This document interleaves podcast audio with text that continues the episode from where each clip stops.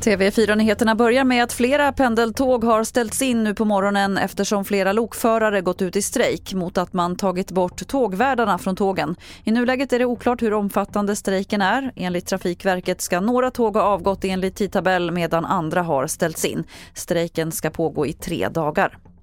Idag inleds hovrättsförhandlingen mot kirurgen och forskaren Paolo Macchiarini. Han åtalades efter att ha opererat in syntetiska luftstrupar på svårt sjuka patienter. Han dömdes i tingsrätten för grovt vållande till kroppsskada. Åklagaren vill att han får fängelse för grov misshandel i tre fall. Han nekar till brott.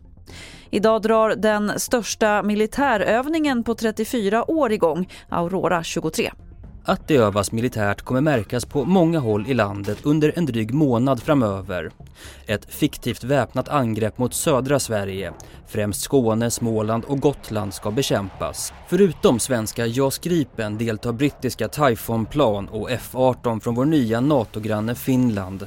Stridsbåtar och korvetter ska öva längs kusterna och USA skickar en jagare. Runt 26 000 personer från 14 nationer deltar det blir den största militärövningen i Sverige sedan Sydfront 1989.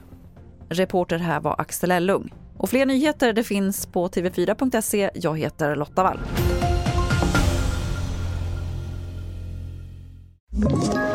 Ett poddtips från Podplay.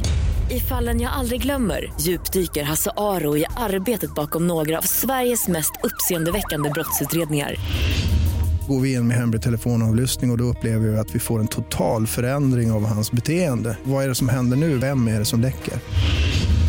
Och så säger han att jag är kriminell, jag har varit kriminell i hela mitt liv men att mörda ett barn, där går min gräns. Nya säsongen av Fallen jag aldrig glömmer på Podplay.